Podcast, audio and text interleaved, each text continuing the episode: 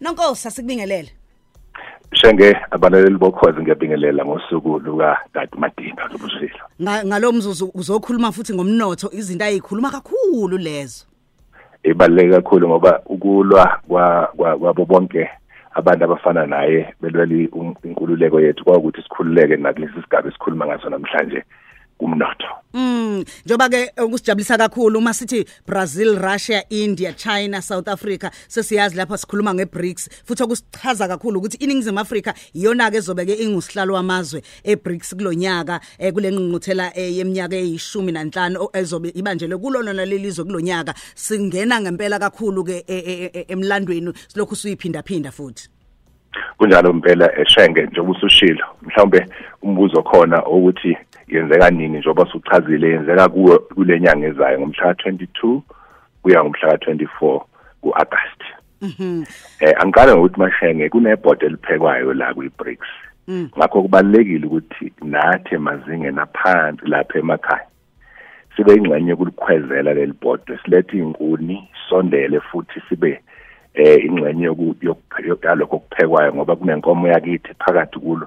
okuyi-South Africa nje uzwa kuthiwa BRICS nje lapha ekugcineni u-S owethu mm, eh inkinga mangiyibhekela nje ngokwami ukuthi iningi lethu alinakile eh kakhulu njengesizwe esinzundu kuzomela sizame ukukhuphula amasokisi ngolwazi maqondana nalolu ndimbi lwe-BRICS. Lento leyaziwe lapha yakuthi isho ukuthini kithi izosenzelani futhi ngoba uma sizogcina siyizikhulunywa phezulu nje sithiwa i-BRICS BRIC khona omongameli abavinjwayo ukuthi bangezi ngenxa yalokhu nalokhu.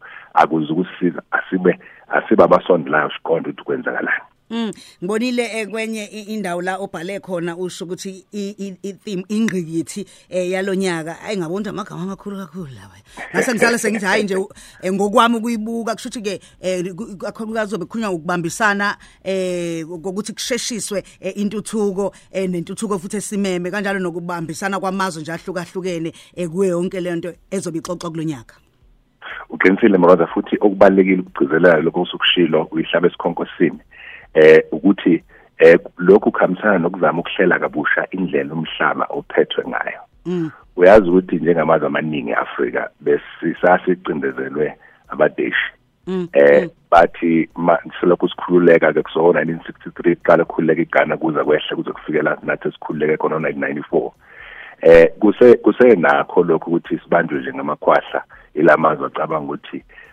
angonkulunkuluwana phekwethu eh lokhu uzokubona nangendlela abasiphatha ngayo kunomongameli isekelo mongameli wasemelika yobeza la eUganda ezokhuza umongameli wekwelinyizi ukuthi eh lezi zinto ezihambisana ne-LGBTQI angazi bayibeke eceleni beweza umuntu esuka kwelinyizi ezokwelinyizi ezotshela ukuthi eh sifuna nihambe kanje nenze kanje.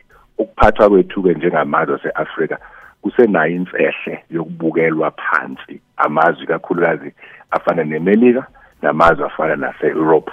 Othola ukuthi ma bekhuluma nathi bakhuluma nathi bakhuluma nomfana weinkomo mm. so ukwakhiwa kwale BRICS ukubaleka kwakhona kulapho futhi ngoba kuthi asikwazi ukuyimela namazwe esidla ndawonye nawo ahloniphayo esiwahloniphayo futhi nehloniphanayo nawo ukuze ukuze kungaphathiswa kwabafana kulesi sigaba sokuthi eh, umnotho uphethwe kanjani kuningi ekuzobe kuxoxwa la okuhambisana nokuthi kushintshwe indlela nenqubo umhlaba ophethwe ngayo ngoba akukona ukuthi khona abazalwe bengcono kunabanye labanye ngendlela eyodwa singabantu futhi nomfuziselo kaNkuluNkulu ngawo kubalekile ukuthi uma sisondela la sithi oxoxa le-BRICS asizi nje ukuthi sisebenzisa la khona kodwa silethe umqondo wethu ukuthi kufanele kwenzeke njani ukuze umnotho lo uhleleke kabusha emhlabeni. Kuyizigaba ezifana nabo eh, World Bank nabo IMF othola ukuthi zisenencindezi enkulu phezulu kwamazwe onke la ayingxenye yeBRICS kakhulukazi eAfrica so njengoba izobanjwe la eningizimu Africa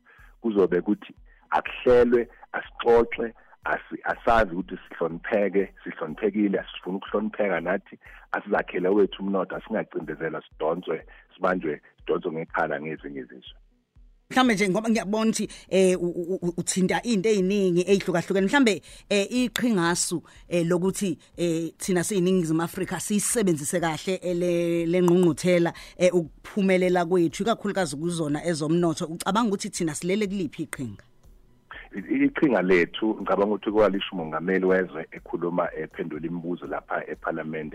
Kuphakathi kokuningi kukuthathu nje ngokukhulu ukusheshsha kuukusebenzisana namazwe angondanga uqhubezela umsebenzi weAfrican Union ngokuthuthukisa izwekazi iAfrika nokubambisana namazwe eh afana naleli mm. lethu uzokhumbula ukuthi semaningi amazwe cisha u19 manje afuna ukujoyina iBRICS o Saudi Arabia o Nigeria o mm. Egypt mm. eh so sifuna ukuthi kuzobe kuyileyo nhloso yesibili ukwakha ubudlelwane buzoletha amathuba okwebelana utshalo mali nokuthuthukisa inqalasizinda njalo njalo. Khumbula ukuthi sibaningi la kwi-BRICS cishe singaphezulu kwa-3.2 billion eh lamazwe ahlangene nje kuphela u5 lokusho ukuthi angeke sikwazi singakwazi ukuzenzela ezinye izinto ngokwethu ngaphandle ukuthi sinceke kulezi izinto esengikhulume ngazo. Okuthatha kokugcina ukubhekana ngqo nohlelo lokuhwebelana njengamazwe ase-Afrika. Lokhu ehlala sikhuluma njalo kule ngosi sithi i-intra-Africa trade. Njengoba sisike sezwa futhi ukuthi izwe laseKenya eliyisikhondla khondla empumalanga neAfrika liselizovulela wonke umuntu waseAfrika ukuthi aphume ngena ngokukhululeka ngaphandle kwevisa. Izinto lezi ezi eziyizinto ezizayo kufanele ukuthi singayibuki njengodala ngoba maduzane sobe siyibambile kuso lesizukulwane njengoba selithile seKenya ukuthi ungakapheli unyaka umuntu ofuna ukuzohlala uzohlala ngenkululeko aphuma asebenze ngenkululeko. Mhlawumbe siya ngasemaphethelweni esigabeni seyikhungo nje eziphethe amagunya amakhulu emhlabeni. Ikuphi mhlawumbe singakulindela esingakulindela ukuthi ingcindezi benkulu ilethwa ilamazwe eBRICS amahlanu. Esho ukuthi akube khona ushintsho kwi-IMF naku-World Bank naku-United Nations ukumeleleka kwethu njengamazwe akade ebhekeleke phansi. Yilokho kuzobe kuyinto ebalekile kubalekile mrozo lokho ngoba uthinta imali. Eh imali kakhulu iyona yenza yonke into yenzeke ngoba umuzi wama entrepreneurs nabantu abafuna uqala amabhizinisi inkinga yabo nakuleli izwe lethu kulamazwe lapho kusenenkinga enkulu yokuthi kunamabhenki azikhondla khondla kodwa ahlezi nenkihliki yemali kodwa engafinyeleli kithi. Ungaqala ukubuke la eh ngoba bayakunika imali yokuthi uthenge Lamborghini ngo5 million. Kodwa ngeke bakunike imali ukuqala ibhizinisi ngo5 million. Leyo mali uyithola uma uthenga Lamborghini ngokukhulu ukusheshsha izinto ecishe efana nalezi efanele ukuthi abazobe beyibheka ngizama ukuhlisela izingeni elingenza ukuthi sikuqonde kangcono kusho ukuthini lokhu nakuzo lezi izinto esikhuluma ngazo IMF no United nama World Bank ezifanele zishintshwe kusuka ngaphakathi ngoba zithi phela zimele umhlaba wonke.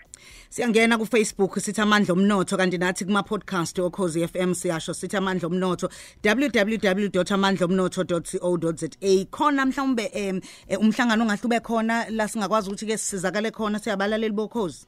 Ngesonto ngo-half past four nje kade sikhuluma ngaleli elidlule nangaleli um ntambama. Abalaleli abahlala becibile nje balandele nje ubusushilo mrozo nga-fast four. Sobe sikhuluma ngayo i-bricks le sibheka nezinye iy'hloko ey'ningi ezokwazi ukukhulisa abalaleli maqondana nokuthi baqonde kabanzi ngalento ngoba izoba lusizo olukhulu kithi njengama-afrika kakhulukazi thina esimpisholo nonkosi mhlaziwe zomnotho. Gugulethu mfokaxaba siyabonga.